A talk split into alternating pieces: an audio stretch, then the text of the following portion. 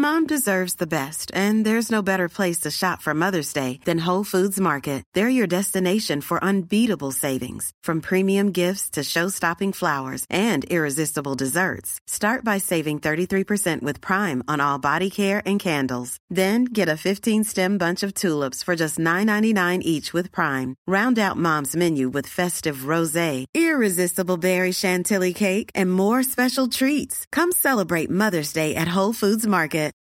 Millions of people have lost weight with personalized plans from Noom, like Evan, who can't stand salads and still lost 50 pounds. Salads, generally, for most people, are the easy button, right? For me, that wasn't an option. I never really was a salad guy. That's just not who I am. But Noom worked for me.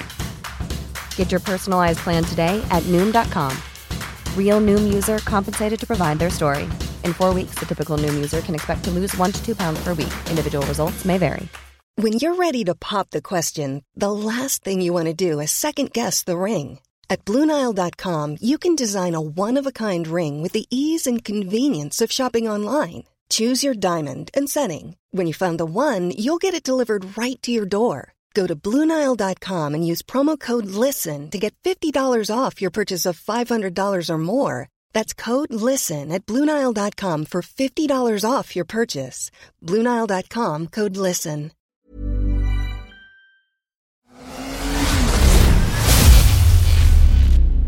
MC-podden.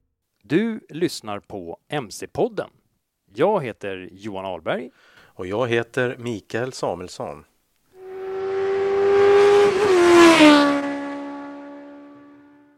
Ja du Micke, nu eh, har verkligen vintern kommit. Ja, jäklar vad kallt det har varit de här dagarna. Har du varit ute och kört någon hoj? Eh, nej, Nej. det har jag inte. Nej.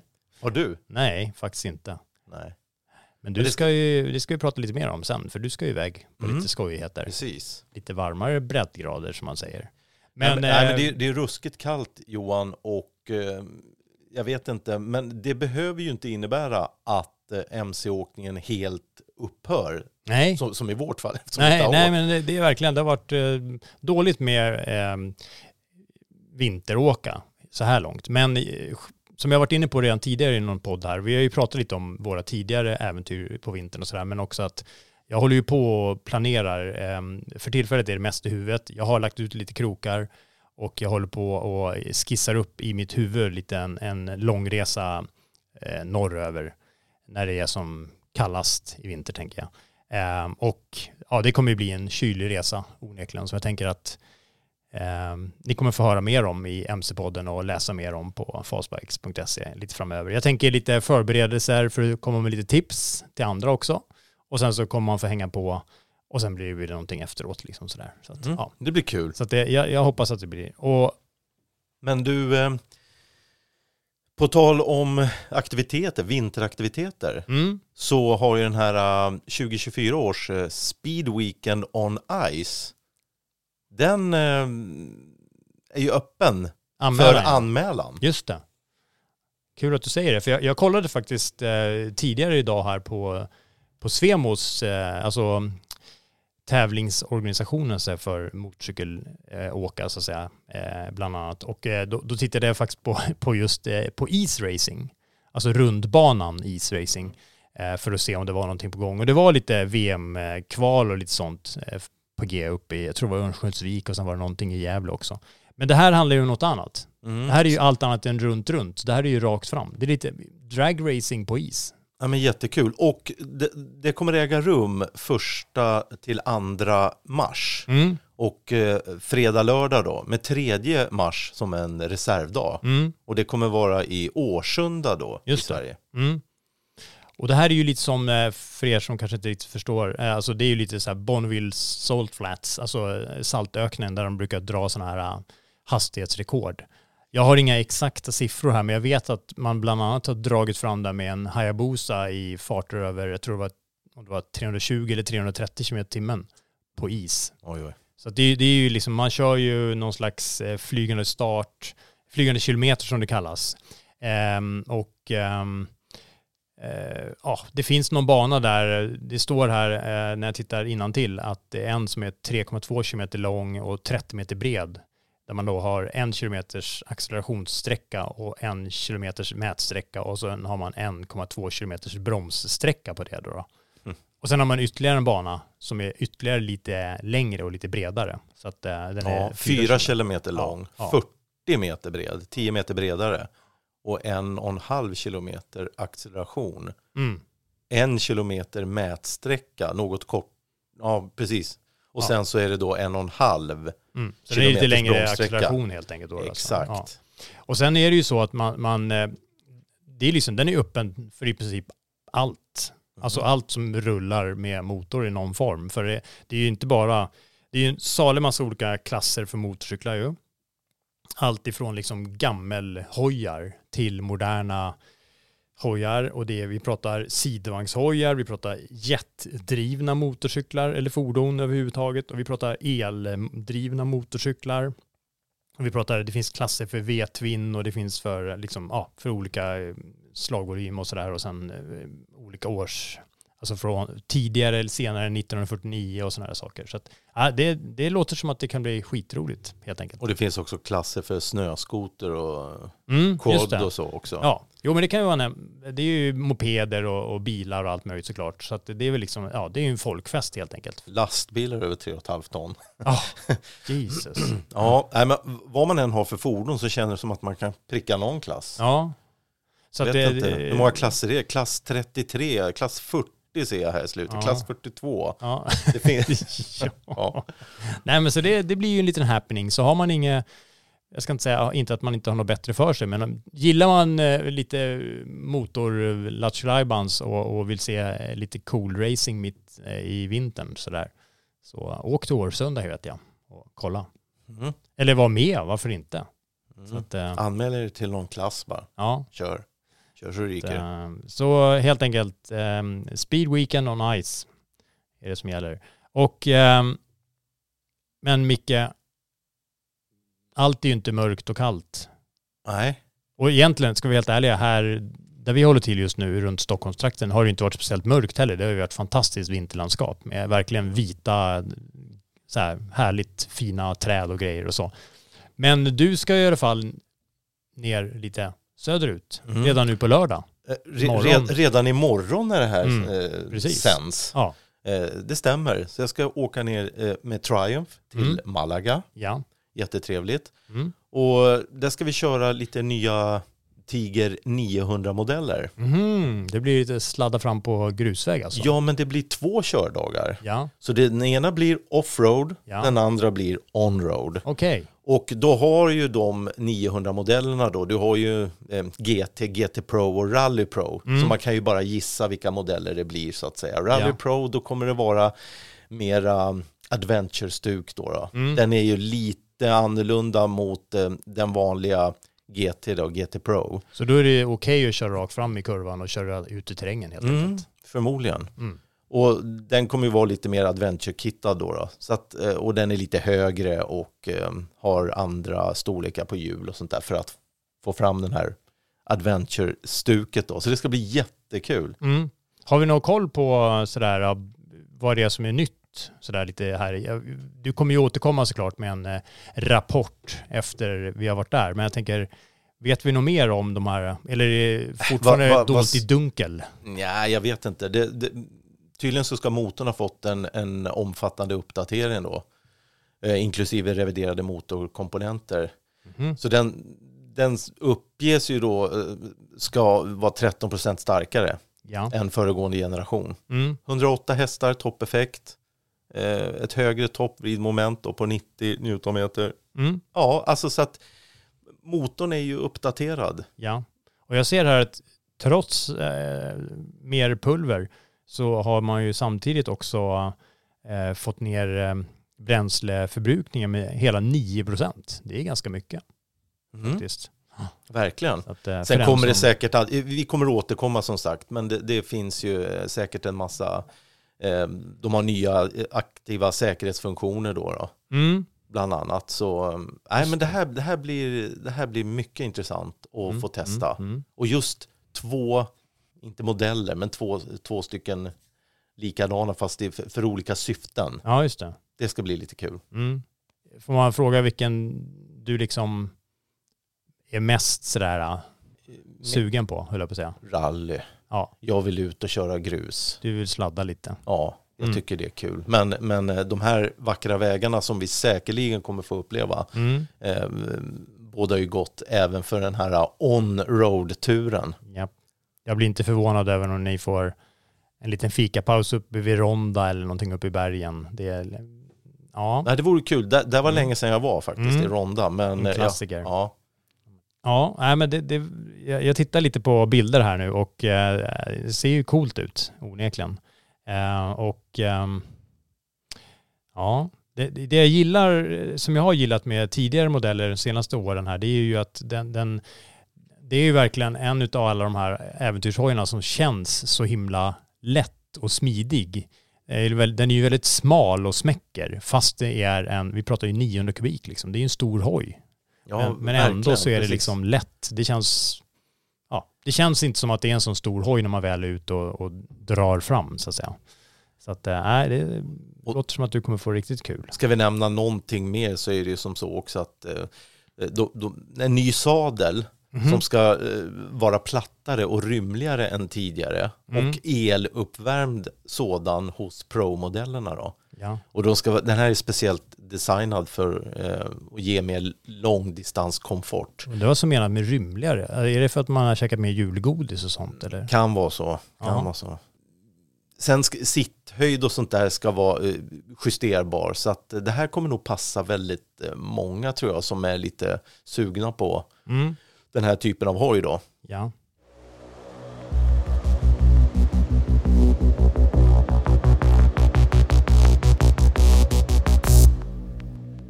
Men sen eh, för oss som inte, eh, för oss är, jag Ja. ska ju iväg, Precis. men för dem som inte åker iväg till varmare För alla mig och oss och stackarna här hemma. Jag Ja, förstår. ja, ja, ja. I get Det the kom- message som man brukar säga. Mm.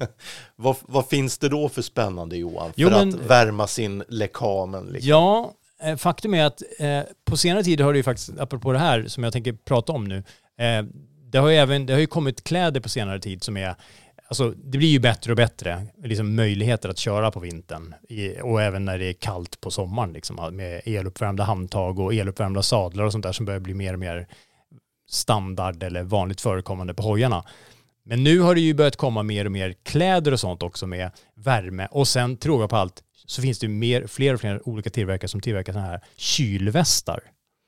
Som liksom, ja, helt enkelt, ni hör på namnet, eller man ska säga, beskrivningen. Kyler ner den när man kör när det är som varmast.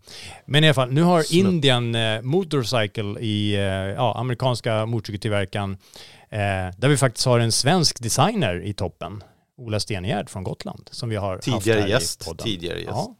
Eh, som har i alla fall, de har sökt patent för eh, så kallade temperaturreglerade kläder. Men det, det häftiga här är att eh, själva, de är ju eluppvärmda i det här fallet. Vi pratar handskar, jacka, byxor och sånt. Men där själva elöverföringen till kläderna för just uppvärmning är, sker via induktion. Alltså tänk eh, din smartphone på en sån här eh, induktionsladdare där man inte kopplar in någon sladd i telefonen, man bara lägger den på en laddplatta. Just det. Ja. Och där där man, slip, slipper man ju kablarna. ja, så du Perfekt. sätter dig på sadeln och så är det någon slags överföring eh, upp liksom i. och sen Jaha. sitter det Hur, hur, hur, hur menar du nu? Du sätter dig på sadeln och då blir det någon Ja, magisk överföring. överföring. Och sen Ja. det ska finnas någon slags induktiva givare vid fotpinnar, fotplattor, Aha, okej. vid händerna. Eh, så att, eh, och sen, sen är det en liten rolig grej här också att de har även då eh, dirigerat, så att säga, eh, ja, gjort en sån induktiv spole eh, på sidostödet. Så du kan till exempel i garaget hemma någonting kan du ha en induktiv laddplatta på golvet och sen när du kommer hem så parkerar du hojen, fäller ut stödet och då laddas motorcykelns batteri via induktiv laddning då, då över natten vad till smart. exempel. Ja, väldigt smart. Sjukt bra ju. Ja. Så, eh, men så fördelen, den stora fördelen med det här är ju att det finns ju redan på marknaden eluppvärmda västar och handskar och sånt som sagt. Men då är det ju hela tiden det här krångligt med att koppla in sig på massa sladdar. Och så kliver du av hojen för att gå och köpa en glass. Det kanske man inte gör mitt i vintern, men ja. För kallt. ja. Och eh, Korv. så ja, köpa en varm korv. Eh, och, ehm, Fastnar man någonstans i backspegeln Ja, och så precis. rycks den där ut ja. och så börjar och man så åker korven ut i korvbrödet. Och så, Ja, ja, du vet, det blir det bara Nej, det blir jobbigt. ledsamt. Ja. Så att, eh, nej, så att nu ska man slippa det helt enkelt. Kul. Ja, verkligen. Men alltså Micke, bara genom att backa 20-30 år tillbaks så har det ju inte varit så här komfort, det har inte funnits så mycket komfort som det finns nu. Nej, Eh, nej. Och sådär. Eller tekno, tekno alltså liksom Ja, tekniska prylar. Absolut. Över, men det var ju mera hardcore för det måste man ju säga. Oh ja. Och, och eh, inte minst både när det gällde eh, så att säga, enkelheten när det gällde hojarnas uppbyggnad, men också i, i klädväg och sånt. Och skyddsutrustning var väl inte vad vi tycker ens är skyddsutrustning idag. Nej men så är det ju. Ja. Så är det ju. Jag, vet, jag minns när du var iväg och hämtade en hoj för ett antal år sedan, en Dr. Big, och du lånade mitt fantastiska allvädersställ. Ja, allväder, det var en överdrift Johan. Ja. Det var ju tygställ Ja. Och, då, Ingen som helst. och då, då tänker jag liksom på ja, som sagt, återigen, det har inte alltid varit så bra grejer helt Nej, enkelt. nej. Så att, eh, Men då är det så här faktiskt att eh, vi har ju haft många intressanta profiler med. Men det är kul också att få höra någon som har åkt motorcykel hela livet. mm, Och jag har faktiskt träffat en person. en Och det- äkta motorcykelprofil alltså. Ja, precis, eller äkta, men, men, men ja, en, en riktig motorcyklist så att Mm. säga. Och det är min frus eh, barndomskompis pappa. Mm. Han heter Kenneth. Ja. Och han är 72 år och åker fortfarande motorcykel. Mm. Jag fick en, Underbart. prat, ja, jag fick en pratstund med honom. Och jag tycker vi släpper in Kenneth här. Mm. Underbart. Varsågoda, Kenneth Jansson.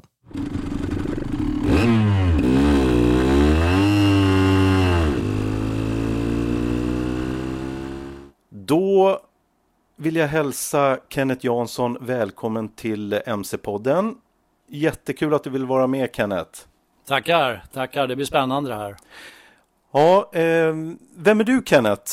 Om du ska göra en kort beskrivning av dig själv.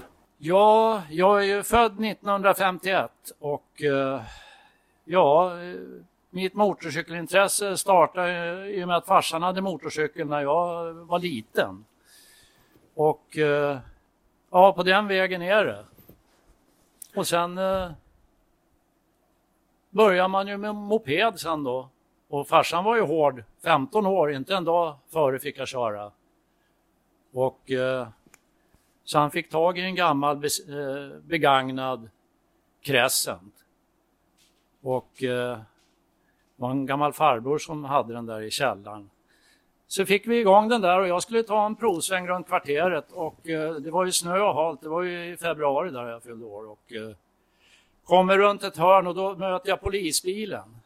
Och då skulle jag svänga höger igen och, och då saktade de ner och då slog jag på öronen i snön. Hoppsan. Och eh, det gick jättebra. Jag kom upp, fick igång grejerna och tänkte jag nu kommer de att kolla mig för jag var liten till växten också. Och sen svängde jag ner till garaget där farsan står och väntar och polisen de, de åkte vidare bara. Så att man kanske inte var så liten då. Nej, Nej. vilket var skönt. Vilket Men, tur. eh, Men sen- Kenneth, är det här, är det mopeden, är det ditt första MC-minne? Eller har du något tidigare MC-minne? Nej, jag, jag har ju inte det. Det är ju egentligen bara farsan där. Han, han köpte ju motorcykel när jag var lite äldre sen också i skolan. Okej.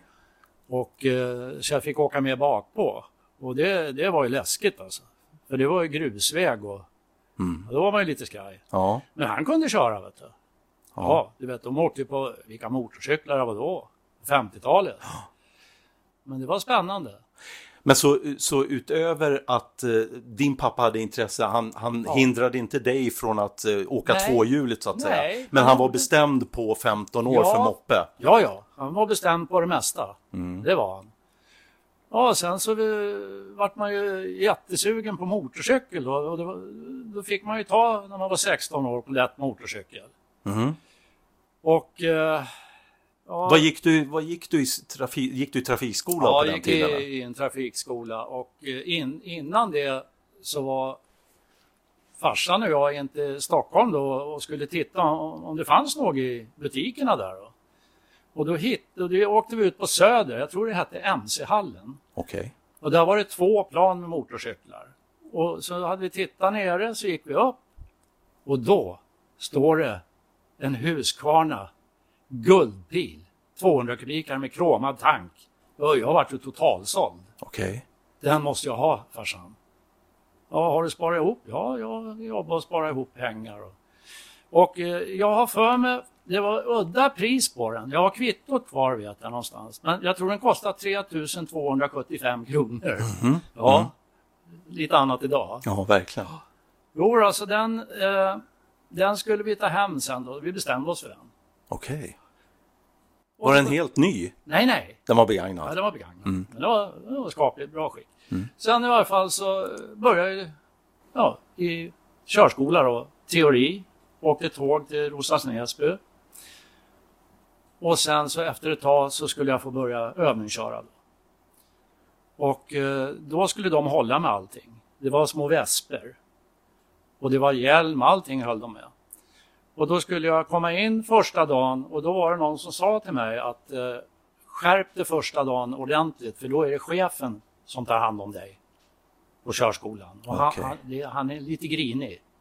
Ja, ja, det var, vart man lite skraj. Men så då skulle jag vara en viss tid vid Östra station. Och det var jag ju såklart. Och så kommer en röd folkvagn, en vespa och stannar och sen en röd jättefin sån här folkvagnsbubbla med chefen i där då.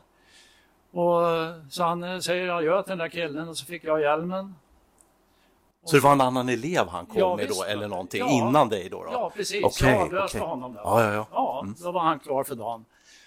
Och så sa han så här, kan du köra en sån här? Ja, ja vad bra, det är handväxel, för det, det är det på, var det på min Crescent också. Så, så det, det här kommer att bli bra för mig. Mm, Och, eh, men kan du köra då? sa han. tror jag. Ja, men jag har kört jättemycket moppe. Ja, ja, bra. Du kan ta på dig hjälmen då, sa han. Ja, gjorde jag det. Så sa han att du kan starta, sa han. Så, ja, då startade jag och satte mig på. Och så sa han så här att nu, nu åker du om mig och fortsätter rakt upp här så kommer jag att tuta sen när du ska svänga. Och när jag tutar en gång då svänger du vänster och två gånger då svänger du höger. Förstår du, sa han. Ja, ja. Och så tar vi det lugnt, sa han. Ja, ja, ja, jag ska ta det jättelugnt. Ja, bra.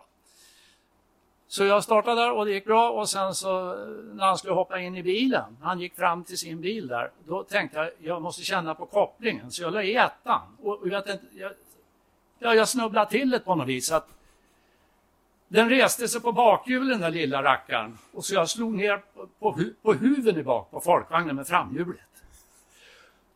Och han kom ju ut och när han, han hade precis satt in stjärten där och kommer ut röd i hela ansiktet och nästan skakade. Han var så arg gubben.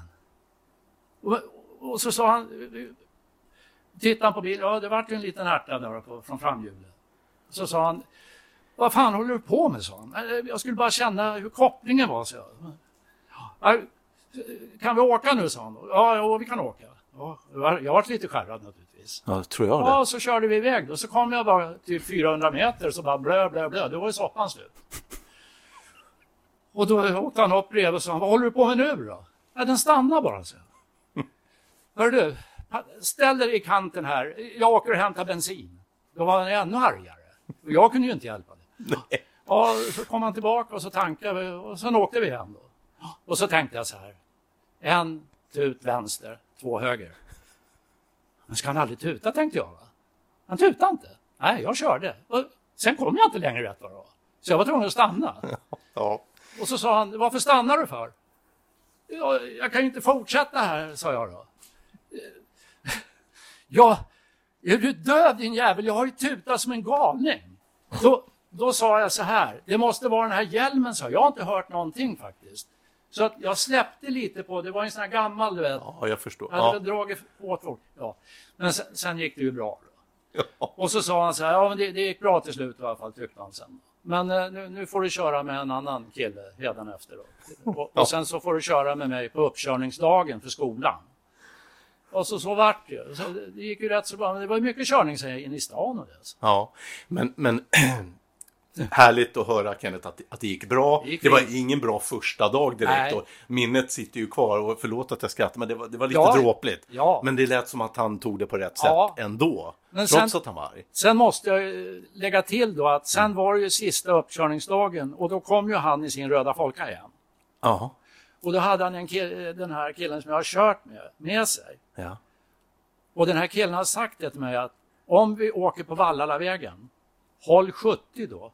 För det var 70 på den tiden förstår du. hoppsan, och, och bara sådana här blinkljus. Okej. Om det var några som skulle gå över eller ja. Och eh, så jag hade ju det i huvudet, 70. Det är ju fort vet du, Ja, ja. på en Vespa. Ja. Ja, och så mycket riktigt så vart det ju Vallalavägen. Det har ju gått jättebra ända tills vi kom dit. Då, då gasade jag ju på och, och kollade på metern. Vet du. Jag försöker hålla så nära 70 jag kunde då alltså. Det, det, det var bara plus. Och, eh, och sen så kikar man ju upp och ner så här, upp och ner. Och, och rätt vad det var så såg jag att de där gula ljusen hade tänts. så jag var ju tvungen att, att bromsa så in i helsike och bromsa lite för mycket på slutet med bakbromsen.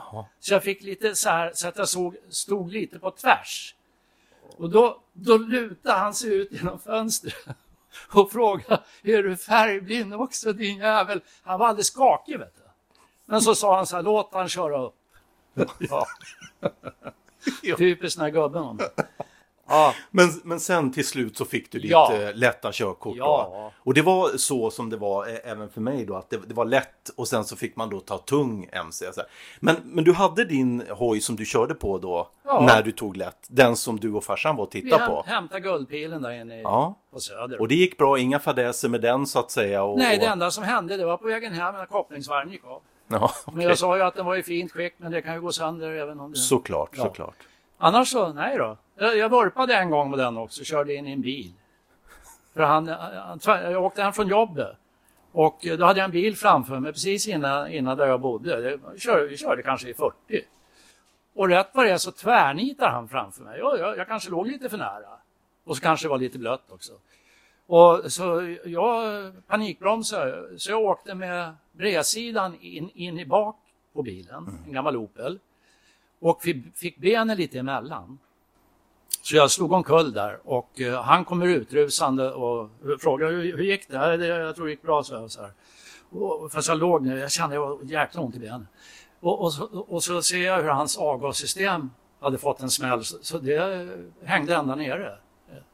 Och då ser ju han det och då säger han, vad fan, det här, det här får du pröjsa annars eh, snackar jag med farsan din, sa han. då. Ja, ja, ja, vi ordnar det, så. Och sen kom problemet fram. Det var ju en gubbe som gick, det var därför han tvärnitade. Det var en gubbe som gick över vägen. Jaha. Och han var präst. Han kom fram till mig och frågade, hur, hur, gick det, sa han så här. Ja, men det, det gick nog bra. Och så reste jag, kunde knappt stå på benen. Så jag, jag haltade hem med hagel. Men det var ju typiskt att det var en präst också. Ja, det var ju bra Ja. att han inte var påkörd. Nej, det är klart. Det är klart. Men annars gick det bra. Ja, sen då, eh, var det tungt MC-kort eller bytte du eh, från den här som ni kollade på, Ja. som du hade? På den tiden behövde man inte ta något nytt kort. Nej, det var Utan när man automatiskt. var 18, då jäklar när man fick man köra tung. Ja, Okej. Bytte du hoj direkt då, eller vad? Ja, och vad blev det då? Jag, då? sålde, jag sålde min guldbil. Ja. Och sen så åkte vi in till Östermalmsgatan. Ja, Där var det en firma som hette MC Trim. Och då gick man ner under jorden. okej. Och så gick man där och tittade och du vet, det var ju för mycket pengar för det mesta. Men, men så stod det en Suzuki 250. Mm. Tvåtakt, en tvåcylindrig. Och den var jättefin. Och, och skapligt pris liksom. Så. Ja, vi stod där och pratade och så, så talade han om också att den var sexväxlad. Oj, oj, oj, tänkte jag, vilka grejer. Eh, får man provköra den, sa jag då. Och då var, hade inte jag fyllt. För det här var ju på hösten. Vi skulle, Okej. Jag ville ju ha den där i februari hemma Ja, då. japp. Ja. Så då, då säger han så här, men vi drar upp cykeln och provar att starta den. Så drog vi upp den på trottoaren och han startade upp den. Det gick jättefint. Och så säger han så här, ska jag köra då, sa han, försäljaren. Nej, det kan jag göra, säger farsan. Och jag tittar till så här liksom, jag tänkte, jaha, vad, vad kul. Har, har du kört förut då, säger han till farsan. Ja, jag har haft, jag har haft flera motorcyklar när jag var yngre och så här. Så. Ja, men okej, åk, åk då grabbar. Ja, så då hoppar vi på där. Och farsan han tittar åt båda håll och så kör han och så bara kommer en Volvo Amazon förbi som han kör rätt in i en dörr. Rätt in så vi rasar omkull där. Och styret stod rakt och hjulet stod snett när vi reste upp hojen. Men nej, det är ingen fara, sa försäljaren. Han bara knyckte till lite så var det rakt. Och han med Volvo Amazonen, en äldre farbror, kommer bort till oss och är jätteorolig för oss. Frågar hur, hur, hur, hur gick det? Nej, det, men det gick bra för oss. Liksom. Ja, vad skönt grabbar, ha en bra dag. Så åkte han iväg, var världens bula i dörren. ja, det, var, var lite, det var lite annat då. Ja, sen körde försäljaren och jag var livrädd. Jaha, ja, okay. Han körde som fan där inne i stan. Det gjorde han? Så jag köpte den direkt. Du gjorde det? Ja. Så det blev den? I ja. ja. Det var min första. Det var ju inte så väldigt tung, men ändå. Nej. Och efter det då Kenneth, vad hände då? Och liksom vad, vad, vad var nästa steg för dig? Vad kände ja, du? Alltså, den här 250 som jag hade, Suzuki. Det var ju vinter och farsan sa du kan inte köra nu. Jag vill ju det, så jag. var ju ute och provade den lite så här. Det var, det var ju läskigt när det var halt. Men då, då, då, säger han så här, du, vi, ska köpa, vi köper sådana här traildäck och dubbar. Han dubbar ju själv, han kört rally och grejer. Mm. Så han hade grejer. Så vi köpte två däck och, och satt och dubbade dem. Och sen fick vi ta det en framstänkan för den fick inte plats. Så sen körde jag, jag körde nere på sjön bland bilar och grejer. Det var plogat där nere på den tiden. Och det var så kallt när jag kom hem så att jag, jag fick sitta en stund med hjälm och stövlar och allting på mig. Det gick inte att ta av någonting. Det var precis som en pinne. Men, men så där var det på den tiden. Sen ja. åkte jag ända upp till Östersund på den. Okej. Okay. Ja, men det var jobbigt. Ja, det förstår jag. Ja. Östersund på, ja. Var det, var det på vintern också? Ja, eller? du vet farsan de hyrde, hyrde stuga där uppe. Okej. Okay. Och då sa de, du kan hänga med och åka på motorcykel om du vill, sa farsan. Ja, det ska jag göra. Ja. Då, då, kan jag hälsa på en tjej i Bräcke också någon kväll. Det ligger strax före Östersund, okay. några mil. Så, så en, en eh, kväll åkte jag ner till Bräcke och åkte runt på och tittade så här. Och då sitter hon och en kompis på en parkbänk. Jag hade sån jäkla tur förstår du. Jaha. Sen när jag åkte hem på natten, då, då, alltså då åkte jag 130 blås. Det var 130 väg på den tiden där, okay. över skogen. Okay. Jättestor väg. Och rätt vad det är så står snutarna mitt på skogen här och stoppar mig. Och, och jag tänkte så här, jäklar. Jag hade ju inga insatser det. Du vet, han lät ju ganska högt. Ja, det, hörde, vi har hört dig rätt länge. Så här, nej, vadå hört? Har du gjort något med ljuddämparna? Nej, vadå? Jag, jag har åkt ända ner från Stockholm, morsan och farsan ner uppe. Nej, jag har inte gjort något. Låter det så mycket då? Ja, jag kör en vända, så ja. Nej, det låter ju för mycket, säger de. Nej, men åk då, sa han. Så. Ta det lugnt bara. Ja, jag åkte 130. Ja, det är bra. Det här är inte så stor cykel. Men om du ska dra dig till minnes, hur, hur, klädde du dig på den tiden? Vad hade du liksom för, för skyddsutrustning kontra vad, vad som finns idag? Och var det inte kallt? Jo, det, det var lite kallt. Jag, jag beställde ju ett skinnställ som skräddarsytt alltså. Ifrån Jofa tror jag det var. Okej. Okay. Malung va. -huh. Så det, det, ja, det satt ju som en smäck liksom. Det var ju ballt. Ja. Nej, ja, visst frös man som sjutton ibland. Det, det var inte klokt hur man frös. Man ja, det, det, var ju inga värmehandtag på den där inte. Eh, nej, det, handskarna var väl heller inte så... Inte de bästa? Nej, nej vintern var inte så kul att åka. Alltså. Nej. Men sommaren, herregud. Ja, ja. Men steget från den Suzuken då, vad blev det därnäst? Ja, sen så åkte man ju med lite killar och sådär. Eh, på kvällar och det. Mm. Och jag kommer ihåg den gången jag bestämde mig för att byta. Det var, det då, för då var det en kille som, som sa det till mig, som jag åkte mycket med. Han hade ju alltid sin tjej på. Mm. Så sa han, men Kenta, har du ingen tjej? Nej, jag har ingen tjej. Så.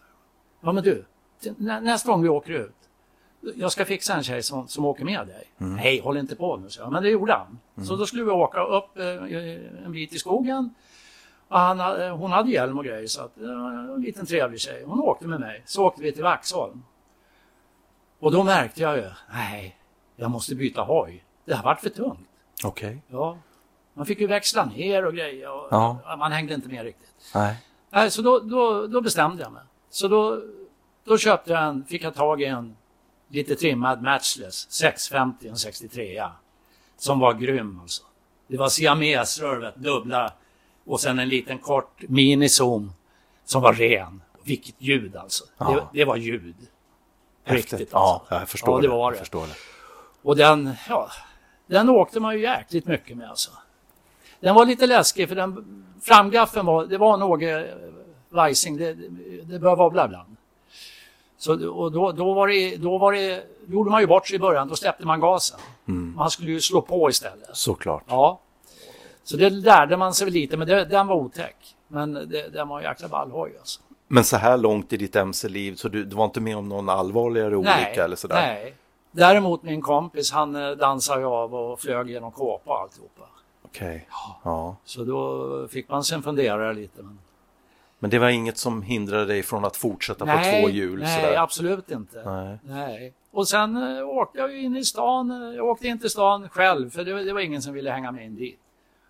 Vad var det det här med Stockholmsgänget som du sa Ja. som du kallade dem? Vad var det för något? Du vet när jag åkte in till stan där så kom jag på Birger Jarlsgatan. Jag tänkte jag åker väl ut en sväng på Söder. Så jag, och, då när jag kom där på Birger då, då stod det en 20 cyklar där på sidan. Det var killar och tjejer. Och, och, och, och jag var lite paff. Jag bara åkte förbi. Jag tänkte, vad fan, skulle jag stanna kanske? Nej. Nej så jag, jag tog en sväng på Djurgården och sen åkte jag hem igen. Men på den tiden var det som det är idag att man, man hälsade på varandra när man åkte motorcykel Ja. eller, eller var Ja. det även så då? Ja, det var det absolut. Ja, men då, var- varför stannade du inte då? då? Nej, jag, jag var lite feg. Alltså. Ja, jag förstår. Jag åkte in några gånger och en kväll då bestämde jag mig. Ikväll ska jag stanna om de är här. Och det var de. Och då stannade jag. Och tänkte vad ska jag göra nu? Jag gick väl fram där och ja, det var ju snart. Ja, och så kom polisen och sa vi får inte stå här. Ja, så då, då startade alla. Och jag hängde med. De drog iväg Kungsgatan upp och sen vidare ut på Essingeleden och jag tänkte fan, fan vad kul det här är. Det här är ju kul alltså. Och så låg jag där och åkte och så började de gasa på. Eh, och, ja, kanske låg i 150, 160 eller något. Man, man tyckte det gick utav helsike. Då är det en bredvid som jag hör växlar ner och jag tänkte vad var det där? Och då tittade då var det en sån här Kawasaki 500. Den, de hade ju kommit där då. Och jag tänkte så här, fy fan en sån där ska jag ha någon gång. Alltså, det var inte klokt. Han drog iväg då på en lägre växel och växlade upp sen. Men i vilket fall som helst så, ja, man, man, man, det är roligt, man får ju hela tiden nya drömmar så där. Ja, men vad hände efter det då? Blev det en annan hoj för dig då eller vad? Sen, sen efter det så, så skulle farsan och jag åka och titta på bil i Åkersberga eh, där de sålde Opel. Och eh, så kommer vi in där och, och när, när vi ska gå in då ser jag då står en motorcykel i skyltfönstret. Säljer de motorcyklar? sa jag till farsan. Nej, det tror jag inte. Nej, nej. Men det står ju en där. Det är ju en, det är ju en Kava 500, min dröm. Och, och han kände försäljaren sedan gammalt. Lundén hette han. Så säger farsan, eh, motorcykeln, är den till salu i fönstret? Ja, är ni intresserade? Ja, ja, jag är det, sa jag så här. Ja, men eh, vill du prova den då? Det var, det var ju jättefint väder och allting så här. Ja, men är det inte bökigt att ta ner den då? Nej, men vi hjälps åt, säger han. Så vi lyfte ner motorcykeln där och drog ut den. Och sen startade han upp den. Och jag hade ju bara en skjorta på mig. Ingen hjälm, ingenting, bara skjorta. Så, så jag pep iväg där och du vet, jag vart ju helt salig. För 0 till 100 med de där, det var ju känt liksom. Ja, sen eh, det vart ju affär. Den var jättefin alltså, blå. Och den fick jag tag i sån här, sen, sen åkte jag med ett, snabbt gäng. Mycket så här till Vaxholm och det på kvällarna. Och då, då är det en kille där som kör utan skyltar och grejer. Han har en riktig racer. Alltså. Och han säger, du, hör, jag kan fixa effektdämpare till din. Jag har en polare, jag tror han har sådana ligger till din Kawasaki. Jodå, han kommer med de där. Så vi monterade dem en kväll. Jag fick ju såga det, all, alla fästen och det till stöd och det under för att få plats med dem under ramen. Och sen var det klart. Och då när jag startade, då sa jag, vad fan är det här? Det här kan jag ju inte åka med. Ta, ta ett varv, sa han. Och jag gjorde det. Och då säger, det var flera där. Jäklar, vi hörde dig runt hela Vallentuna när du körde. Och då sa jag, jag kommer inte våga åka in till stan nå- någon gång igen. Men det gjorde man sen. Man vänjer sig. Och då hade jag ju träffat min tjej. Min nuvarande fru. Okej. Och då tänkte jag så här, nu ska hon åka med. Så jag sa det till henne, nu, nu ska vi åka en sväng. Och då tänkte jag så här, vi ska åka Angarnsrakan som den är känd för. Där kan man åka fort. Ja. Så ska vi åka 200, tänkte jag. Fast jag sa inget. Nej. Så lånade jag en hjälm till henne. Och så satte hon på sig den och så åkte vi iväg. Och så, och så såg jag rakan komma. Vet du. Så jag började gasa på som 17 så jag skulle komma upp i bra fart. Då. Och sen när jag var uppe i 160 ungefär, då började hon slå mig i sidorna. Så jag var ju tvungen att slå av. Jag tänkte, vart hon rädd? Vart hon så rädd? Så jag saktade ner och sen stannade vi lite längre bort. Och så sa jag, vad läskigt, sa jag då. Nej, men hjälmen är ju så stor, den hängde ju i hakremmen så här. Så det var lite obehagligt och blåsigt. Ja. Okej. Nej, för det upptäckte jag ju se- senare. Hon var aldrig rädd. Och jag tänkte så här, att hon inte sa något om det där. Ja, det var lite så här läskigt på något ställe. Men sen eh, Kenneth eh, så berättade du att du träffade din eh, nuvarande fru och då blev det ju ganska snart barn med i bilden va? Ja, det, det, det vart så och tyvärr då vi bodde, vi, vi bodde i en trea ihop och, som jag hade köpt, Eh, en bostadsrätt. Och eh, i och med det så då tänkte vi att vi skulle flytta. Vi hade ju planerat det redan eh, till radhus, nyproducerat. Och det kostade ju lite pengar. Alltså, så att jag fick sälja av lite grejer och eh, hade ingen motorcykel utan vi flyttade till radhuset. Och sen så fick hon ett barn till så småningom. Och under de åren, Eller hon, ni fick ett barn till ja jag var väl med på ett hörn. Ja. Ja, nej, men i alla fall så, det var, det var ju hemskt att vara utan. Varje vår när de kom ut så var man ju, det var hemskt att vara utan alltså. Ja. Men jag hade bestämt mig, jag ska inte ha någonting än, även om jag hade kunnat köpa någon igen. Men sen till slut så, nej, då, då åkte jag till där jag hade köpt Kawasakin, han Okej. Lundén som sålde Opel. Så åkte jag och frågade, farsan hängde med dit. Så vi åkte dit och frågade, har, har du ingen billig motorcykel? Eller du kanske inte har någon alls? Jag har faktiskt en Honda i källaren här, sa han, som har stått flera år. Då kan vi gå och titta? Ja, ja, jag vart ju så här. Ja. Och då var det en Honda, Honda 650 Custom. Okej. En sån här custom-ljuddämpare typ sån här larvig. Ja. Och då, frågade jag vad han skulle ha för den. Ja, jag vet ju inte om, om den går som den ska eller någonting. Så. Och det gjorde den inte. Så jag fick den jättebilligt. Men lyckades köra hem den. Och sen så fick man ta isär förgasare och grejer lite och fixa och dona. Och byta batteri naturligtvis och såna grejer. Och sen hade jag den ett tag alltså, men jag, jag, jag kände så här, nej. Det, men det var jättekul att åka på den. Ja. Igen då. För då fick du egentligen komma igång med hojåkandet ja, igen. det var Men, lite bra kanske att börja med. mm, men du kände att hojen var inte riktigt Nej, rätt eller? inte alls. Vad ville du ha då? då? Ja, jag visste inte riktigt. Men, men då fick jag tag i en som jag tyckte var snygg på den tiden. Och det var en Honda 750F. En sån här dubbelstrålkastare, rektangulära. Ja. Med kåpa och det. Och eh, den tyckte jag var lite tuff. Svart och röd tror jag den var. Och den gick ju hyggligt också. Och den hade jag rätt länge. Jag åkte till och med över Jotunheim och grejer i Norge med den. Och, ja, den gick fint.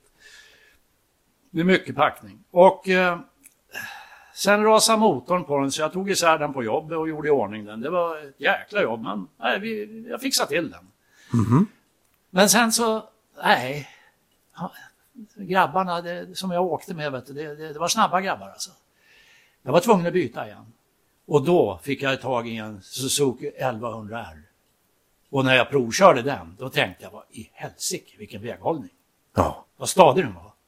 Och gick bra också. Och du Nej. hade jag vet ju det här eftersom vi känner varandra Ja. Kenneth, att du hade ju en 90 då. Ja. Och jag har ju haft min 89 som jag Ja. rätt nyligen har sålt. Så Ja. vi har ju pratat rätt mycket minnen kring de där Ja. hojarna. Men det måste ju ha varit något i, i hästväg va? Ja, det var det. Ja. Och, och sen kunde jag byta så man hade ensits, ja, kuts. Jajamän. Satt på den där plastbiten längst bak bara där. Och genast gick det lite fortare då. Och det, ja, det är konstigt tror jag. Men det gjorde det verkligen. Ja. Ja.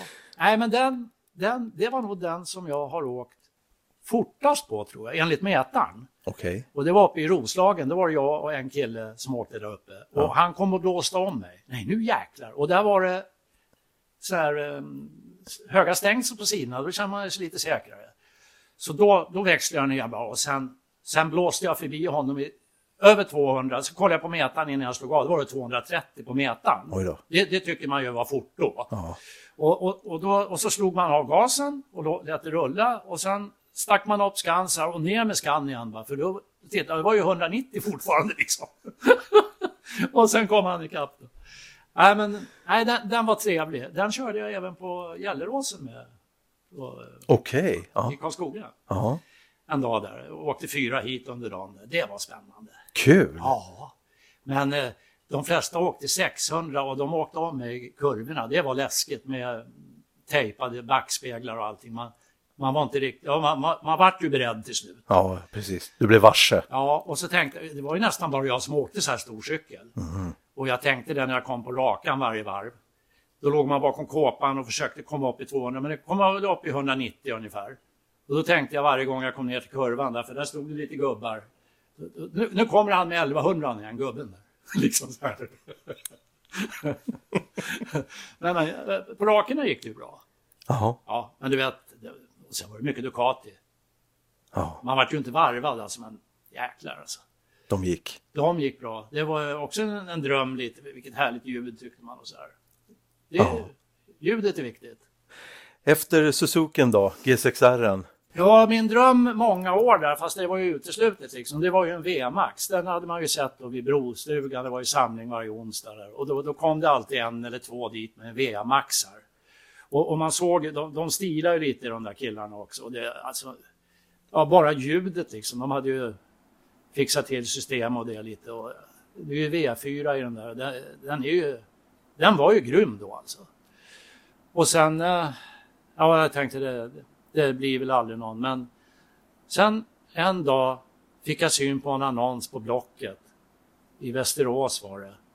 En, det här var ju 00, år 2000. Och det här var en 98 som var till salu. Han hade skrivit direktimport från Kanada, Black Max, fullhästars, V-booster och allting. Och tänkte jag så här, fan, jag kan jag i alla fall åka och titta? Så då ringde jag till dotterns kille. Han var ju värsting på att åka hoj. Han åker ju Hayabusa och allt möjligt. Så jag frågade honom, kan inte du hänga med mig till Västerås och titta på en VMAX?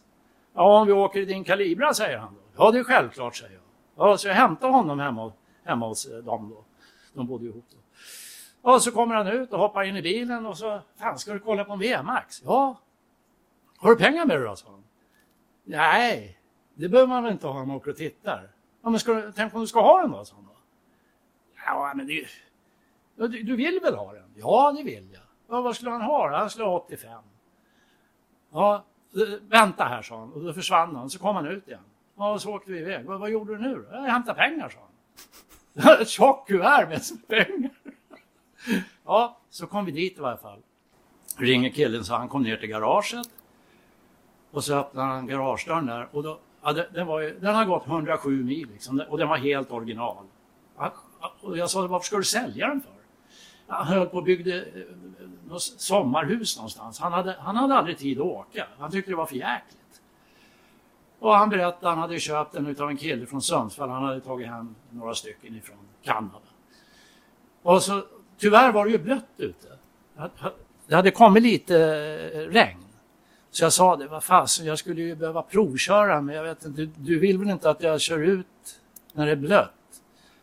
Ja, jag vet, vad, har, har du motorcykel nu eller? Ja, jag har en 1100 R, sa jag. Ja, men då kan du köra i alla fall. Ja, och jag vet, att, jag vet att de här går för jäkligt så du behöver inte vara orolig att jag ska slira omkull. Nej men, nej, men då är det klart du ska provköra, sa han. Ja, så, och jäklar vad det var spännande. Vet du. Ja, så åkte man iväg där och, och bara, det var helt original men ändå ljudet ändå. Va? Och sen tillbaka, jag var tvungen att känna på V-boosten så att den sparkade i en gång. Det funkar ju så att när man kommer upp till, jag tror det var 5200 varv, då öppnar, eh, då är det två eller, då öppnar spjällen, för att förgasarna sitter två på varje sida. Då, då sitter det rör emellan där med spjäll i som är stängda. Då öppnar de. Och sen vid fem och sju, då öppnar de fullt. Man känner hur det sparkar till i cykeln liksom. Nej, då, då, så, ja, skulle du ha 85? Ja. ja. Eh, får vi snacka lite, sa Håkan till killen. Ja, så vi gick undan. Där. Eh, jag har 77 000, sa han. Han får inte mer. Nej. Nej, och så gick vi in igen. Ja, du får 75 då, sa jag. Nej, det kan jag inte gå med på, sa han. Hör, hör du, Kenneth, eh, var, inte du lite hungrig? Jo, jo vadå då, sa jag till Håkan. Hör, gör något om vi åker ner till grillen bara så kan vi snacka lite så kommer vi tillbaks. Nej, men jag, jag väntar här. Vi, vi åkte ner. Jag vill inte ha något, så, så här. Nej, vi ska snacka lite. Ja, så åkte vi. Han får 77. Ja, så han gick med på det.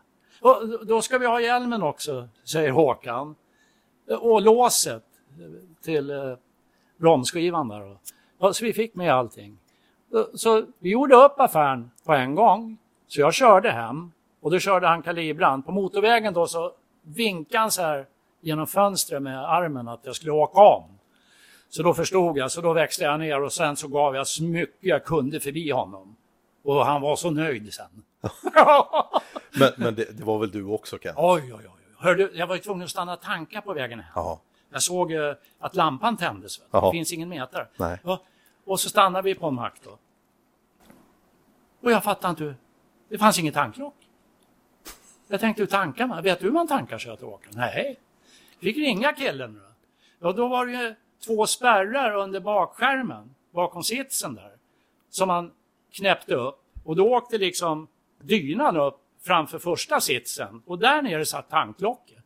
Under sadeln liksom. Så då var det okej. Och det är väl faktiskt så, eh, just nu så har du ju kvar din kära VMAX. Ja. Och det är den hojen som du åker på nu Ja. ibland, Ja. när du ger ut på... Ja, på 23 år alltså. Ja. Aldrig haft en cykel så länge, men det beror på två saker. Den ena är att Rosie, min fru, hon sa så här, nu är det sista motorcykeln. Ja. Jaha, sa jag då. ja, då är du ju tvungen att ha kvar den. Och jag hade ändå inte bytt bort den. Nej, nej, Nej. jag Nej. förstår. Det var min dröm och jag trodde aldrig den skulle gå i uppfyllelse för det var mycket pengar. Ja. För mig alltså. Men nu Ja. står den i garaget i alla fall. Ja, och, och första gången jag skulle åka med VMAX-klubben, för där gick jag med direkt. Jag tror det var när jag gick med 300-400 med i hela landet. Och så träffade jag ju på de här killarna som, som hade haft VMAX, de levde nästan för VMAX. En kompis där, han som jag har varit bäst kompis med, han, han hade en eh, flott Merca, men han har ingen Merca-märke på i bak, utan det stod VMAX på bakluckan. Eller jag i bak. Och eh, han, vi vart ju kompisar och eh, han var ju värsting på att köra också. Alltså. Vi åkte en gång till Vaxholm och då var vi nog en 15 VMAXar och då var det någon ny kille med. Och det, I regel var de ju 40-50 års åldern, det var ju nästan aldrig någon yngre med. Men så var det någon ny kille med i alla fall. Så stannade vi där i Vaxholm och då går han fram till Jensa, heter han, min kompis. går han fram till honom direkt. Var det Jens du hette? Ja. Hur gör när du går upp på bakhjulet så här? Och då visar Jens bara med, med högerhanden på gasen att man gasar på. Nej, VMAX-gänget, det var, det var härliga killar alltså. Ja, Ja. härligt. Hörru du Kenneth, ehm, jag skulle vilja tacka dig så jättemycket Ja, för att du själv. ville vara med i MC-podden och tack för dina härliga historier. Ja, tack. Det var lite nervöst, men det var kul också att få vara med. Ja, Jag var superbra. tveksam, men- Ja, ja. Nej. Tack så jättemycket Ja, Kenneth tack och kör själv. försiktigt. Ja, och du med. Tack, hej. Tack.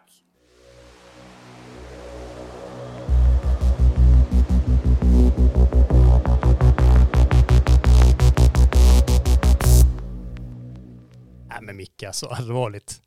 Mm. Det här, vad brukar man säga, det här ger ju mer smak. Jag, jag ser framför mig hur vi drar fram med hans VMAX i sommar och drar ut på en glassätartur och eh, får höra lite mer om hans, eh, Ja, ja. När, när, vi, när vi var offline, höll jag på att säga, ja, då, då kommer han på saker som han vill berätta. Så vi, vi får nog återkomma till Kenneth. ja, Så är det helt härligt. enkelt. Det gör Ja. vi gärna.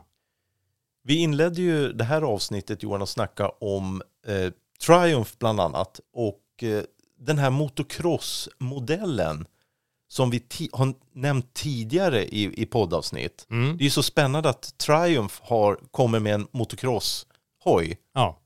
Vad, vad kan vi säga om den då Johan? Vet vi mer nu? Du vill rubba in, som man säger, i att du ska åka iväg söderut och provköra. Absolut Ja. inte, men jag tänkte eftersom vi, de, vi har, de har kommit Mm, på tal. Mm. Nej, men eh, och jag tänker att, vem vet? De har ju lanserat den här nya motocrossmaskinen som de kallar för TF250X. Eh, som då har utvecklats av just Triumph i nära samarbete med några av världens eh, främsta racingstjärnor, eh, inklusive Ricky Carmichael och Ivan Cervantes. Och Ivan då, spanjoren, är ju framförallt främst eh, känd som eh, mångfaldig världsmästare i enduro. Men då, och han har ju varit med involverad i, i Tiger också och sånt där. Så att, eh, eh, det är ingen vild gissning att eh, du kan få en liten förhandstitt på den här hojen skulle jag tro. Eh, hör ni det nu, Triumph? Eh, jag, skulle inte bli förvånad över det i alla fall. Och jag blir inte heller förvånad över om du får möta no, någon eller båda de här eh, ikonerna på din provkörning med Tiger. Men ja, vi får se. Vi får se. den, den, ser ju onekligen Triumph ut. Den är ju svart med liksom lite så här Triumph Racing-gula och, och s- ja, i kombo med svart grafik då. då. Och ehm, den här modellen, eh, vi vet ju inte så himla mycket mer om själva hojen i sig så, men eh, vi har ju fått eh, att det är ju en, eh, en, en eh, encylindrig fyrtaktare och eh, som då Triumph menar är en ultrakompakt och superlätt enhet eh, med smidd aluminiumkolv och titanventiler och eh, där man har någonting som kallas diamantliknande kolfiberbeläggningar och lättviktsmagnesiumkåpor och en eh, särskild koppling som kallas Exidy Belleville eh, som eh, ska göra det här till en riktig värsting och eh, det i kombination med en högst avancerad motorstyrning och eh, där man kan eh, liksom använda olika, ja man kan anpassa hojen till egna, vad du själv vill ha, hur du vill att hojen ska upplevas. Eh, man har helt enkelt ett tillbehör som kallas MX Tune Pro App som helt enkelt gör att man kan eh, mappa om eh, motorn, alltså helt enkelt hur den ska bete sig när du vrider på gasen och lite sådana där grejer och hur den, ja, det finns massa precis som det är på en eh, högst avancerad landsvägshoj idag eller en, din, din Tiger du ska köra här nu, det är din, men den du ska köra, eh, att det är massa antispinn och allt möjligt sånt. Det finns massa spännande teknik. Jag är ingen crossexpert, men när jag kikar på, på bilderna så, här, så verkar den ju vara eh, äh, den verkar riktigt cool, men det skulle vara kul att höra till exempel vår kollega Jörgen, Mm. eh, vad, vad han skulle uttala sig om den här Precis. och vad han skulle få för uppfattning. Så det, vi får väl återkomma när Jörgen har fått dra några repor med den här. Så annars är det ju liksom, det är kubfjädring och det är, ja men alltså det är rakt igenom massa härliga fina Brembo-bromsar eh, och eh, riktigt eh, fina, alltså det är, det är rakt igenom fina komponenter. Och, men, men hela konceptet är ju Triumphs egna. Det är liksom de som har utvecklat hela den här Och som pricken över i så kommer det en enduro-maskin framöver. Jaha, Som okej. eh, de, och ja, så att vi, vi får se. Men det här kommer ju dyka upp här nu under början på 2024. Så att, spännande. Men eh, vi börjar ju närma oss en annan riktig höjdare och det är ju för egen del i alla fall eh, en av höj, årets höjdpunkter är ju Dakarrallyt Ja. som eh, drar igång eh, 5 januari här nu strax efter årsskiftet alltså. Och där är en liten intressant grej och det är att ehm, som sticker ut lite mer och det är ju att eh, den italienska tillverkaren eh, Takita eh, som är en slags tillverkare av exklusiva elhojar eller elfordon överhuvudtaget eh, har gett sig in i det här nu och ska genomföra racet är det tänkt med två elhojar. Och eh, de ehm, deras helelektriska rallyhoj då som kallas Discanto eh, har då satsat på riktigt cool grej. Och det är att de har med sig då eh, ett helt mekanikerteam så här som man brukar ha. eh, men där hela alltet, hela liksom allting ska ske eh, liksom som en helt, eh, vad säger man, egen eh, liksom 100%, de kallar det för 100% noise and no koldioxid tävlingssystem. Där liksom Ah. de själva då har med sig eh, solcellspaneler, batteriladdningssystem, vindkraftverk och vätgassystem. Ja, jag för att då fattar. Inte behöva koppla upp sig på någonting annat utan de kommer användas i, det ska liksom vara helt, eh, vad säger man, eh, inget carbon, inget liksom, Nej, men jag förstår vad du Ja. menar. Så att eh, hojarna laddas eh, vid, de- vid deras truckar som de har med sig. ja, och de i sin tur drivs också av el. Ja, så ja, hela deras, fattar. liksom, hela konceptet är eh, liksom eh, inga utsläpp. Så Ja, men det är bra. Jobbigt också att rulla ut en lång sladd i öknen kanske. Ja. ja. Det- Nej men och vad det, kul. det, det är en kul grej här också är ju att hojarna, lite kort eh, sägs väga 180 kilo och ska kunna nå en, en topphastighet som medvetet är begränsad till 150 km timmen. Och eh, de har även utvecklat en, eh, vad de säger då, menar är en teknologi som är, är um, unik när det gäller eh, batterilösningen som jag har tjatat om tidigare också, som jag har efterlängtat. Och det är battery swap, alltså helt enkelt att man kan snabbt och enkelt byta batterier. Eh, så att eh, det, de skriver här nu i deras pressmeddelande att de kan byta dem mot laddade batterier under de eh, konventionella tankpauserna då, då under racet. Bara på några minuter så går det liksom tjoff tjoff och byta batterier. Okej, då. för jag tänkte just på det. De kan ju inte stanna och ladda och sen så pausa och sen köra Nej. igen. Utan här, Nej. här skiftar de batterier. Ja, Och de kanske kan göra det också. Eh, Ja, nu sa ju du, det kanske måste vara ett tankstopp så att säga. Ja, och då ja. byter man Ja men det är bara där batterier. man får göra sånt Okej. enligt reglerna. Så att, så då, då, och det här tycker jag personligen, det här hintar ju lite åt eh, framtiden och för vad vi kanske kan få på serietillverkade elmotorcyklar i framtiden. Eh, och det här har vi redan varit på tapeten eh, med just det, den typen av lösning. Sådär. Men också att den har, den har ju en femväxlad eh, mekanisk växellåda och vätskekylning för motorn. Så att det, det, det är liksom en eh, mer likt en konventionell hoj i, i övrigt tycker jag, som Jag är lite, förstår. lite coolt. Sådär. Ja. Men eh, Micke, jag vet att du har koll lite ibland på att Honda håller på lite, precis som många andra tillverkare nu ska man väl tillägga egentligen. Men just Mm. Honda sticker ut hakan lite extra här nu. De, ska ju, de storsatsar på eldrivna motorcykel, Mm. motorcyklar. Ja. Ehm, så att eh, de har ju haft en pressbriefing då om företagets satsning på detta. Och där framgick bland annat då att Honda reviderat sitt eh, årliga försäljningsmål för elmotorcyklar för 2030 då till 4 miljoner enheter. Shit. Det är rätt mycket. Mm. En ökning då med en halv miljon enheter från vad de sa tidigare då, Mm. eh, alltså förra året. Ja. Och totalt är ju planen då att Honda ska lansera 30 nya elmotorcyklar till 2030. Mm. Mycket 30 här, men eh, Ja, ja, ja. 30 nya elmotorcyklar till 2030. Är det total försäljningssiffra då? 30 nya hojar? Eller tror du att det är 30 nya olika modeller? Eh, naturligtvis så är det inte 30 hojar, det, verkar Ja just det, det var ju, det var ju 4 miljoner enheter. Alltså. väldigt skralt att sälja 30 Ja. till 2030. Men då ska vi tillägga att i det här äh, konceptet så ingår ju även så här att vi pratar allt från eh, små, jag ska inte säga lekfordon, men vi pratar elskotrar, kubb och, och sådana, hela vägen upp till liksom riktiga supersportmaskiner, nakna street fighters, offroad-hojar och, och liksom hela, och sen ner igen till minihojar för barn och motocross och enduromodeller. Mm. Så att det, det är, jag tycker det låter riktigt eh, spännande. Det är inga eh, småpengar de satsar heller. Nej, verkligen inte. Så att det, det, vi pratar, eh, jag ska vara snabb huvudräkning så vet jag inte ens, men vi pratar eh, 500 miljarder yen eh, fördelat på tio år. Det är att, mycket pengar. Ja, det låter mycket i alla fall.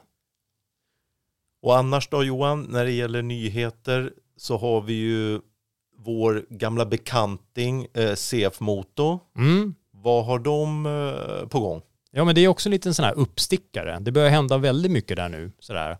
Eh, de satsar ju också precis som Honda en del på el och sånt där vet jag. Men framförallt nu som har varit på tapeten är ju deras nya 675 kubiks trippel.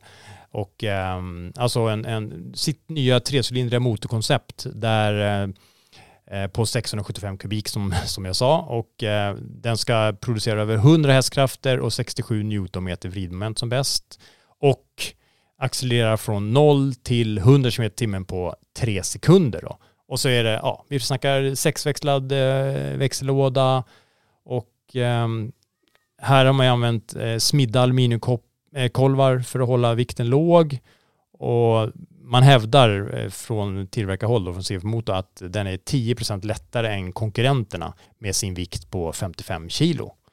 Ja, så då ska den vara den lättaste då på marknaden? Ja, i det här segmentet ja, då. då. okej. Ja, och eh, det är väl ingen vild gissning att den här första hojen som den här kommer dyka upp i, hos eh, är en modell som eh, vi tror kommer att, kommer att heta 675 SR. Eh, men vi har sett lite, vi kan kalla det spion, det låter alltid så spännande med spionbilder. Ehm, en naken landsvägsmaskin och sen kommer det, ja men det kommer bli, jag vet det, vi pratar, vad heter det, även äventyrshojar och sådär. Så att ja, det kommer, som, man gör ju den här motorn för att den ska liksom hamna i flera olika Såklart. modell eller inom olika segment. Så att Ja, säga. spännande. ja, kul. Eh, Du nämnde ju tidigare i detta avsnitt Ola Stenegärd som hastigast. Mm. Han är ju lite mm, pappa till R90, BMW R90. Just det. Men det har hänt någonting där nu. Ja, Den har för, du vuxit. menar förutom att han inte är på BMW längre och är hos Indian Motorcycle? Tänker Precis, Ja. dels det. Mm. Men sen har ju hans eh, lilla bebis då vuxit, Du? Mm. kan man säga. Precis, den har blivit stor nu. Ja, hur stor då? Ja, den landar ju, nu har ju boxermotorn då, då, som vi pratar om i det här fallet, som har vuxit egentligen. Hojen i sig kanske inte har vuxit så mycket, men själva motorn har ju vuxit till 1170 kubik. Och eh, där då den luft slash oljekylda motorn eh, levererar eh, 109 hästar som bäst vid 7000 varv. Och eh, ja, helt enkelt, eh, men det finns ju i två varianter. Så den har, den har bytt namn, fast ändå inte. Så den Ja. heter R1290. Ja, Och sen en, så och det är ju en roadster, en klassisk roadster. Ja, liksom. precis. Ja. Och sen har vi R12 som är mera en cruiser för lite coolare avslappnad hojåkare. Eller sådär. R12. Ja, precis. Det låter bättre. Ja, det låter bättre. Ja. Eh, och ehm, nej men så att det, det ja. ehm, Jag gillade R90 så att eh, den här skulle jag kunna tänka mig att provköra. mm. Det här tror jag kan, nej men det är något speciellt. Ja, men de har ju fått liksom, eh, vi pratar, egentligen är det ju helt, helt nya modeller. Man har, vi, vi pratar nya, ny ram um, som skiljer sig då från tidigare R90-serien. um, ehm, som då hade en främre och en bakre så att säga, huvudram som var liksom lite delad så. Och det- det man ska eh, tillägga här nu direkt egentligen, det är ju att det här är ju en typisk modell, en motorcykel som är gjord från början för att man jätteenkelt ska kunna så att säga, personifiera den, alltså customisera den, anpassa den eftersom du vill. Med, där man har använt så här CAN-buss-system eller vad det kallas nu då, eh, för att liksom alltså enkelt kunna, även om du vill bygga om eh, bakdelen på hojen eller någonting så ska du liksom inte behöva hålla på och klippa och klistra i kabelsystem och sånt, utan kabel, kablaget. Okej. Eh, utan det finns liksom färdiga lösningar för det mesta och sådär. Ehm, och ehm, som ett resultat av den här nya ramlösningen då så har man ju, eh, alltså här, man kallar det att man har eliminerat behovet av tidigare fästen. Eh, man har tagit bort lite olika fästen och sånt. Eh, och eh, det här sänker vikten och ger liksom hela hojen hela ett renare och mer klassiskt utseende då. då. Ehm, och, ja, och sen sitter ju en bakram fastbultad där hos huvudramen då. då. Ehm, men annars är det liksom R9T, då, då, har 1290, eh, kommer med två analoga runda instrument för hastighet och eh, varvtal. Eh, och så finns det någon USB-port och lite sådana grejer. Men ehm, eh, och ehm, där man hos R12 är begränsad till bara en hastighetsmätare. Eh, men man kan eftermontera eh, en varvräknare. Sen ser jag här också, om jag kikar lite på vad som är gjort så, eh, så har en, en ny luftburk som sitter integrerad under sadeln. Precis. Och de har även ett nytt eh, vänstermonterat twin pipe system då Mm. med dubbla ljuddämpare i en slags eh, konformad design då. Mm. Väldigt läckert. Och eh, en annan grej är ju att eh, hos eh, R129T så har man ju, ja det är ju lite ny förarergonomi här som gör att bland annat så eh, har ju tanken, den är ju lite kortare eller 30 mm kortare och lite smalare i bakkant framför allt. Så det gör att eh, man som förare sitter lite närmare styret och får vad man menar då är lite bättre mm, knäkontakt. för en lite mera så här, mm, ja, man, man säger frontorienterad, alltså mera framåt vikt. Eh, man är mera fram liksom. Man, är, man Okej, sitter inte okej. liksom och har någon slags badkar mellan dig och styret. Man, man är liksom mera fram eh, så här. Ja, utan att det blir framåtlutad vill jag inte säga riktigt. Det är, det är inte riktigt det det handlar om. Utan man är, man är mera, sitter lite längre fram helt enkelt. Jätteenkelt. Ja. Och, och den här um, R12 då, då Mm. Alltså tittar man på bilderna så, så det, det blir ju verkligen så här, nej men det andas lite 70-tal på Ja. något sätt. Mm. Där, där, ska det, där är det mera så här en, ståltank. Ja. Och, och De kallar det toaster tanks. ja, varför det? Ja. kanske ser ut som en stor brödrost. Gör den det? Va? Eller? Ja, ingen aning faktiskt. Jag vet faktiskt. Det måste vi ju fråga någon eh, expert på toaster tanks vad det kan tänkas Kanske är det. bero på. Jag tycker mer teardrop eller någonting sådär. Men eh, ja, det... det ehm, ehm, ja. Men sen så har den också ett eh, 19 tums framhjul och ett 16 tums bakhjul då. Som eh, kompletterar det här då på ett eh, så kallat harmoniskt vis. Mm. Ja men den är ju snygg. Ja, den är verkligen. riktigt snygg. Mm. Så att, ehm, Ja. ja. men det blir nog bra. En Ja. låg sitthöjd med brett styre. mm. Passar nog. Eh, Det så. finns en för alla. Typ. en, en för alla. Ja. Alla för en. jag vet att det i liksom, det är ju, konceptet i sig är ju som sagt, det finns väldigt mycket, det finns massa olika färger och det finns massa olika tillbehör som är jätteenkelt att byta ut. Så det, så det är liksom du får din lite unika hoj sådär, som ingen annan kanske har, just den kombon sådär. Då hoppar vi över lite till eh, KTM då Johan. Mm. Vad händer hos eh, KTM? Ja men det, alltså efter liksom, eh, vi trodde att det var lite sådär eh, efter Eikma där, att liksom det var, ja, inför Eikma så var det ju massa nyheter hela tiden. Och så trodde man att Eikma var liksom, nu är det slut nu, men det poppar ju upp som, som vi berättar här nu, eh, lite nytt, fortsätter att drälla in här nu. Och bland annat så har ju KTM nu då kommit med sin nya 1390 Super Duke R. Och Super Duke R Evo. Och nu snackar vi Och du, är det inte så här att eh, nästa år, 2024, då, då firar ju liksom Duke 30 år. Mm. Det, det låter sjukt mycket, men Mm. den har, modellen har funnits i 30 år då. Ja, helt det är, galet. Ja, det är galet. Jag minns redan, eh, minns redan, jag minns, Du minns redan? jag minns fortfarande heter det, eh, hur jag körde den första modellen där. Och, eh, men nu snackar vi riktigt, den kallas ju Beast. Alltså det är ju en bestialisk hoj. Och jag har vid, i något reportage för länge sedan så kallade jag den för att det var liksom en, en, en eh, jag vet inte riktigt exakt vad jag sa, men det är ju på något sätt lite samma, man kan ha lite hatkärlek till den här hojen. Missförstå mig rätt, Ja, jag, jag älskar Super Duke. Eh, men den är liksom, eh, den var när den kom ganska stökig och bökig. Den krävde liksom sin, alltså man var, man var tvungen att köra den väldigt aktivt. Gjorde man inte det så blev upplevelsen inte så, så härlig. Jag förstår. Ja, Det var var- nästan för mycket. Det var liksom, ja precis, det blev lite yxigt nästan. Men Okej. när du är på eh, ett glatt humör och vill verkligen köra aktivt, eh, oavsett om det handlar om landsväg eller på bana, så är det liksom, äh, det är så grym. Grym körning på alla sätt och vis. Men alltså Johan, i, i den här V-twinnen så pratar vi om 190 hästar Mm.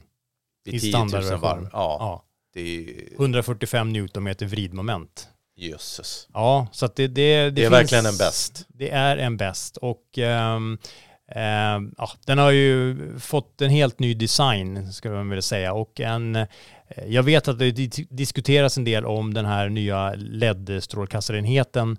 Den verkligen dominerar fronten. Den, den har ett väldigt säreget utseende. Eh, personligen tycker jag att det, den är cool. Eh, och ehm, med nya tankspoilers, alltså sidokåpor med downforce-vingar som då ska öka marktrycket helt enkelt. Det, har varit, det är ju väldigt poppis bland annat mot GP-racers och eh, riktiga Ja, det har vi sett på andra hojar också. Ja, precis. Så att det, det bör ju komma liksom sådär. Även Eh. här har de ju en nydesignad luftburk då. Mm. Ny bränsletank Ja. med en eh, tankkapacitet på 17,5 liter. Mm. Vilket det är en ökning med en och en halv liter jämfört med föregångaren. Ja. Och det ja, ökar ju räckvidden, Mm. men handlar ju alltid också om att eh, få in det här ergonomiska i tänket också. Ja, absolut. Så att, um, nej men jag, jag tror ändå, och ehm, den här strålkastaren som jag eh, var inne på lite tidigare, den, den har ju inte bara, den är inte bara liksom, hjälper ju inte bara till att ge en ny eh, liksom, visuell effekt, utan den sänker ju även vikten med närmare ett kilo, eller 700 gram hävdar de. Och ehm, den här utomjordiska designen då eh, bidrar ju verkligen till att ge eh, 1390 Superduke R en helt ny look. Eh, och där KTM eh, säger då att positions och varselljus eh, justeras automatiskt efter omgivande ljusförhållande då. Eh, så att, eh, ja. Jaha, så sitter det någon ljussensor då som, Ja, som känner precis. av det där. Ja. Och sen så, Men även här har man ju sådana, vi har varit inne på det på någon annan hoj, eh, har ju sån här coming home ljusfunktion. Så när man parkerar den så lyser den liksom upp eh, garageuppfarten eller någonting en stund sådär så man kan känna sig lite trygg när man liksom lämnar och parkerar hojen hojen. kollar att du kommer in tryggt, sen stänger den av. Ja, precis. Sen drar den iväg på en egen tur kanske. Ja, okej. Ja. Så att, ehm, ja. Ehm, nej men annars är det ju liksom, ja men det är ju, det är ju värsting, um, fjädring ehm, som ehm, ja, man inte behöver ha verktyg till för att justera, vilket brukar leda till att man faktiskt förändrar fjädringen lite då och då efter eh, vad man tycker att man behöver eller vill. Och ehm, eh, hos den här eh, värsting-värsting-modellen som har tillägget Evo eh, så har man eh, VPs senaste då semiaktiva eh, fjädringssystem som då har elektroniskt styrda magnetventiler och då helt enkelt anpassar sig efter massa olika saker som eh, den känner liksom helt enkelt av. Nu, nu behöver du ja, förändra dämpningen eller någonting sånt. Så den, den är liksom variabel dämpningen hela tiden efter eh, den känner av väg, eh, vägens beskaffenheter och hur du kör och vad du kanske själv vill och, hur, och sådär. Så att, ja, Snart kommer väl röststyrning också, så du Ja. bara säger så här, precis. Kan jag få lite hårdare dämpning? Potthål. Ropar det så. Potthål, se upp, Ja. styvt. Ja. Ja, nej men så att eh, helt enkelt, den läser av vägbanan och körstil för att automatiskt justera fjädringen helt enkelt i farten. Så att du behöver inte göra någonting. Nej, det är riktigt, riktigt coolt. Och så är det massa olika, du vet, bankörlägen och massa olika prestanda, eh, sådär, du vet. Tror jag det, Ja. tror jag det. Ja. Och då är det ju, då kan vi ju avslöja att det inte bara är jag som ska iväg och köra Triumph, utan eh, vår gode vän Björn Mm. ska ju faktiskt, nu när vi har pratat om Duke, Mm. iväg och köra. Det är lite längre fram i tiden ska jag säga. Det är ju på andra sidan nyår. Men eh, absolut. Så han ska ju också ner i dina trakter till Almeria och eh, köra både landsväg och bana med nya eh, Duke. Att, Och, och det är väl ett sånt här eh, 30-års-event helt ja, enkelt. precis. Så vi ska vara ärliga och säga att vi vet egentligen inte exakt. Jag tänker, jag, jag, när jag pratade med Björn så sa jag till honom att det kanske blir eh, 125 och 200 kubik eller någonting sånt där. Så att, eh, Eller hela registret, ja. vem vet? ja Det får. Björn, det får Björn berätta mer om sen. Ja. Det var som när du fick åka iväg för något år sedan och köra nya Gixer och så fick du åka till England och köra 125. Ja, G6R 125. Mm. Det, det tackar man för. Ja, Men det gick bra det så också. kan det bli. Det var kul det med. Jajamän, Ja. det var en Och, upplevelse. eh, men eh, nu är det roliga slut för den här gången Micke. Ja, nu får vi säga adjö för den här gången. Ja, Och eh, det lackar mot jul som man säger. precis, snart kommer tomten. Mm. Tror du på tomten Johan? Ja, Tror alltid på tomten. på tomtar man, loftet. vågar, man, tomta på loft. Man vågar inte säga att tomten inte finns för då kanske inte Nej. kommer något paket. Vad, vad, vad står på önskelistan då? Nej, alltså jag vet inte. Det är, jag tänker på Sven Melander och den här frågan den lilla flickan. Vad är det alla barn vill ha? Fred på jorden. Ja, och till slut är det fred på jorden. Och, och det, det passar väl bra i dessa tider kanske. Mm. Skulle, om jag får önska något så, så vore det väl skönt med, med lite lugn och ro nu. Får köra i fred. Ja, köra i fred Mm. utan headset. Ja. ja, Själv det då? låter, låter som en bra grej. Själv då Johan, har du någon snabb önskan innan vi avslutar? Ja, men det är väl att jag får till det här och köra en riktigt härlig vintertur. Det står på min önskelista faktiskt. Det hänger på dig Mm. Och tomten, och tomten lite grann. lite grann. Men då tackar vi för idag Mm. och eh, glöm inte som vi tjatar om, det är Ja. bara att höra av er. Japp. Lajka, eh, gå in på våra sociala medier och ehm, Kommer galna idéer, vad ni tycker vi ska... Är det någon vi ska träffa? Någon vi, någonting ni vill veta? Lär er mer om eller något sånt? Så hör bara av er. Redax med x at mcpodden.se eller på våra Instagram eller Facebook-sidor. Men tills nästa gång, ha det så bra allihopa. Kör försiktigt, ni som kör eh, trots vinterväglag. Kör snyggt. Ha det bra, Hej. hej.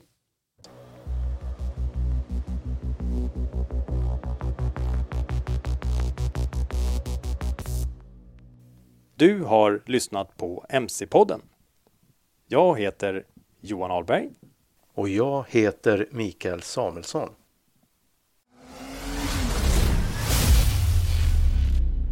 MC-podden.